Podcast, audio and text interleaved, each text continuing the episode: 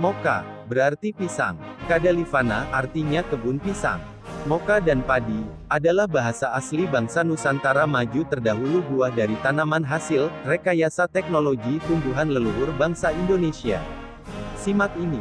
Pisang jenis Musa balbisiana, varietas asli yang bersumber dari Indonesia, mengandung biji banyak dan dianggap sebagai salah satu spesies leluhur dari varietas bibrida. Pisang jenis Pacoba atau Pakova adalah Sudobaga dari pohon pisang, tanaman herba dari keluarga Musaceae genus Musa. Selain genus NCT akan menurunkan atau menghasilkan apa yang disebut pisang palsu, mereka tumbuh di 130 negara. University of Melbourne, Australia meneliti dan menyimpulkan bahwa nama-nama umum hanya lokal dan tidak sesuai dengan kultivar yang dikenal, maksudnya tumbuhan ini dahulu dan berasal dari suatu daerah atau lokal saja, Asia Tenggara Indonesia disimpulkan sumber berasalnya. Bukti arkeologi dan paleoenvironmental baru-baru ini terungkap di Kupswam di Provinsi Dataran Tinggi Barat New Guinea menunjukkan bahwa tumbuhan ini sudah ada, sejak setidaknya 5000 SM atau bahkan hingga 8000 SM. Pisang disebutkan dalam dokumen yang ditulis untuk pertama kalinya dalam sejarah dalam teks-teks lama sekitar 600 SM, Musaceae, terutama genus Musa, telah diperkenalkan ke dunia oleh imigran dari Asia Tenggara kira-kira pada 200 SM. Di bawah ini alasan leluhur kita, mereka yasa tumbuhan yang menghasilkan buah pisang original, Musaceae dan menggunakan media pisang dalam acara adat ada hal saintifik yang bermanfaat dan punya tujuan. Antara lain karena pisang khas mengandung sekitar setengah gram potasium, ia akan memiliki aktivitas sekitar 15 Bqrl. Pisang mengandung bahan radioaktif alami dalam bentuk potasium 40, isotop radioaktif, terutama kalium 40, 40K. Sumber alami utama dari radioaktivitas dalam jaringan tanaman adalah kalium sama dengan 0,0117% dari potasium yang terjadi secara alami adalah isotop POTASSIUM 40 yang tidak stabil 40K. Isotop ini meluru dengan waktu paru sekitar 1,25 miliar tahun 4 tanda kali 10-16 detik, dan karena itu radioaktivitas kalium alami adalah sekitar 31 Bqrl, G, yang berarti bahwa, dalam 1 gram unsur, sekitar 31 atom akan bereaksi setiap detik.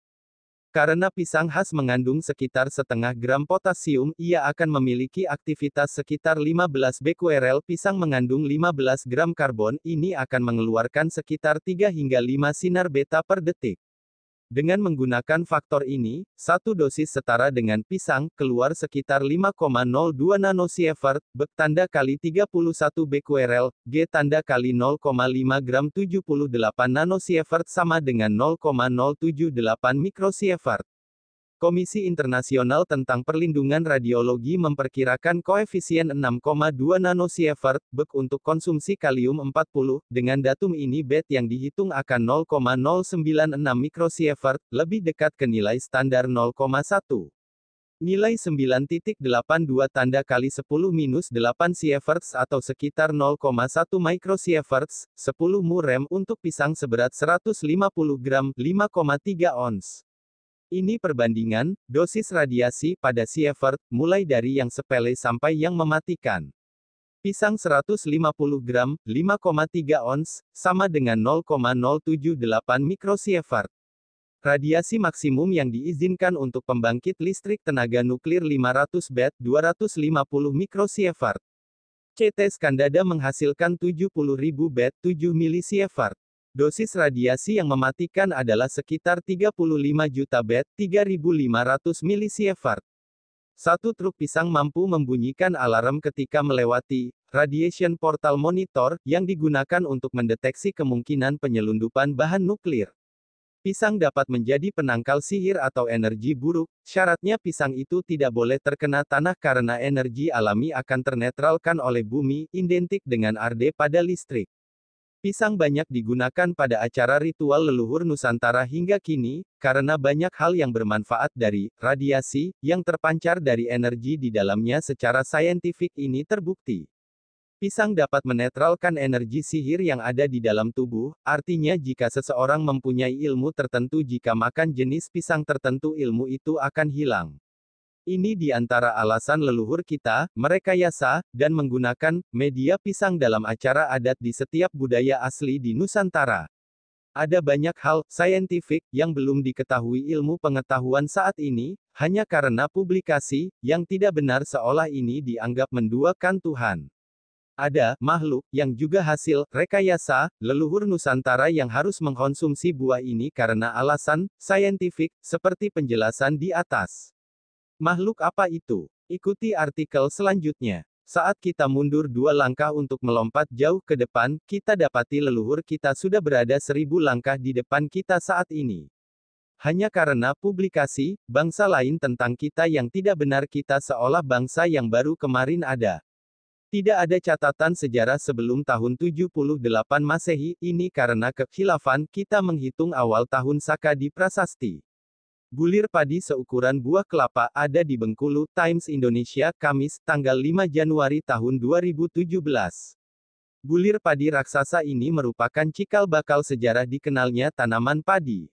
Bulir padi raksasa seukuran buah kelapa masih disimpan masyarakat adat Bengkulu Selatan. Biasanya, bulir padi yang konon berusia dua abad ini akan dihadirkan dalam ritual adat turun sawah. Mirdi, Sekretaris Lembaga Adat Desa Selali, Kecamatan Pinoraya, Kabupaten Bengkulu Selatan menjelaskan, bulir padi raksasa ini dibawa nenek moyang mereka yang berasal dari Pagaruyung, Sumatera Barat, sekitar 200 tahun lalu.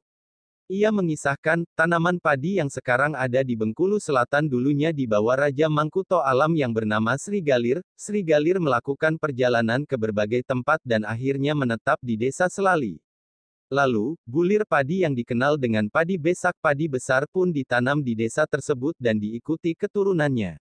Meski padi besak tidak lagi ditanam masyarakat, sebagai bentuk penghormatan, bulir padi raksasa tersebut hingga saat ini masih disimpan dan dijaga dengan baik oleh keturunannya. Bupati Bengkulu Selatan Dirwan Mahmud menjelaskan, ritual turun sawah dengan mengeluarkan replika bulir padi raksasa dan bubuk padi raksasa asli merupakan budaya lokal yang memiliki nilai sejarah yang harus dilestarikan. Untuk ritual adat mereka menggunakan replika bulir padi. Selain juga selalu menghadirkan bubuk bulir padi yang asli. Rencananya pemerintah daerah akan mengemas event turun ke sawah dengan mengeluarkan bulir padi raksasa sebagai kegiatan wisata budaya dan sejarah Kabupaten Bengkulu Selatan secara rutin. Penamaan padi ini adalah bahasa asli leluhur kita, berawal dan berasal dari Nusantara, hasil teknologi rekayasa genetik maju peradaban terdahulu. Cerita padi di Jafat Vipa. Nawang Wulan mengingatkan pada Jaka Tarub agar tidak menanyakan rahasia kebiasaan dirinya kelak setelah menjadi istri. Rahasia tersebut adalah bahwa Nawang Wulan selalu menanak nasi menggunakan hanya sebutir beras. Cerita padi di Sefarnat Vipa. Titik titik titik petik 2. Takioklah boge dunak. Keriklah berasnya nak. Itu kata ibu-ibu dulu. Maksudnya, saat hendak memasak beras itu diambil satu butir, yang sebesar kelapa dan dikerik beberapa kerokan untuk dimasak dari satu bulir padi sisanya dimasak lain waktu. Kenapa hanya sebutir beras bisa untuk makan sekeluarga? Ini rahasianya. Padi adalah tumbuhan organisme, eukariota, multiseluler tergolong dalam pengelompokan paling atas klasifikasi ilmiahnya, Plantaesensus strictissimo, bukti penelitian arkeologi mulai dibudidayakan 10.000 hingga 5.000 SM sudah ada di Indonesia, ini hasil teknologi rekayasa genetik botanika peradaban maju Nusantara Indonesia terdahulu. Metapita Whitaker, 1969, Plantae, Lin Margulis pada 1971, padi disimpulkan tumbuhan yang sudah ada lama sebagai fosil. Dan masuk kelompok tumbuhan tertua yang masih hidup saat ini. Kajian menggunakan penanda genetik SSR terhadap genom inti sel dan dua lokus pada genom kloroplas menunjukkan bahwa pembedaan Indica dan Japonica adalah, benar, Tropical Japonica adalah daerah tropika Indonesia, tempat asal varietas awal padi. Varietas Javanica, hanya ditemukan di Indonesia, inilah asal tumbuhan ini pertama kali ada di bumi Oriza sativa dipelajari dan dikembangkan pada tempat pengembangan ilmu pengetahuan besar, SINS di Sefarnat Vipa bernama, Dharma Pala, selain mempelajari falsafah utama, Dharmik. Nama tokoh terkenal salah satunya adalah Suvarnat Vipa Dharmakirti, hidup pada tahun 610 SM 520 SM, dia adalah salah satu pencetus pemikiran, logika filosofis, juga ahli teori ilmu yang utama atomisme, yang menyatakan bahwa satu-satunya benda yang dianggap ada adalah keadaan kesadaran sesaat. Karya Dharmakirti adalah The Seven Treatises on Valid Cognition. Universitas Pusat Pendidikan, Darmik di Minangkabau, bernama Dharmapala, lebih dahulu ada dari Nalada, Raja Pala Silsilah Shailendra Balaputra Dewa dari Sumatera, membangun Nalada 427 M demi kepentingan, pengembangan pusatnya pendidikan di Sefarnat Vipa, Dharmapala. Membangun cabang di Jafat Vipa bernama Fuana Cakapala, Borobudur. Bangunan ini berdasar ajaran asli Nusantara, bukan dari India, dan temuan hasil rekayasa genetika tumbuhan padi diabadikan pada reliefnya. Padi yang hanya sebutir dapat mencukupi makan sekeluarga terekam dalam ucapan masyarakat Nusantara seperti cerita padi di Sefarnat Vipa. Titik titik titik petik 2. Takioklah boge dunak. Keriklah berasnya nak. Itu kata ibu-ibu dulu. Maksudnya, saat hendak memasak beras itu diambil satu butir, yang sebesar kelapa. Dan dikerik beberapa kerokan untuk dimasak dari satu bulir padi, sisanya dimasak lain waktu. Kenapa hanya sebutir beras bisa untuk makan sekeluarga? Rahasianya telah terungkap bahwa leluhur kita bukan primitif dan ilmu pengetahuannya sudah melebihi sains saat ini sudah pada skala 10 hanya karena kita telah sepakat menghitung awal tahun, Saka, di prasasti dimulai 78 Masehi, maka hilang, fakta, sejarah maju nenek moyang kita sebelum tahun itu. By, Santo Saba.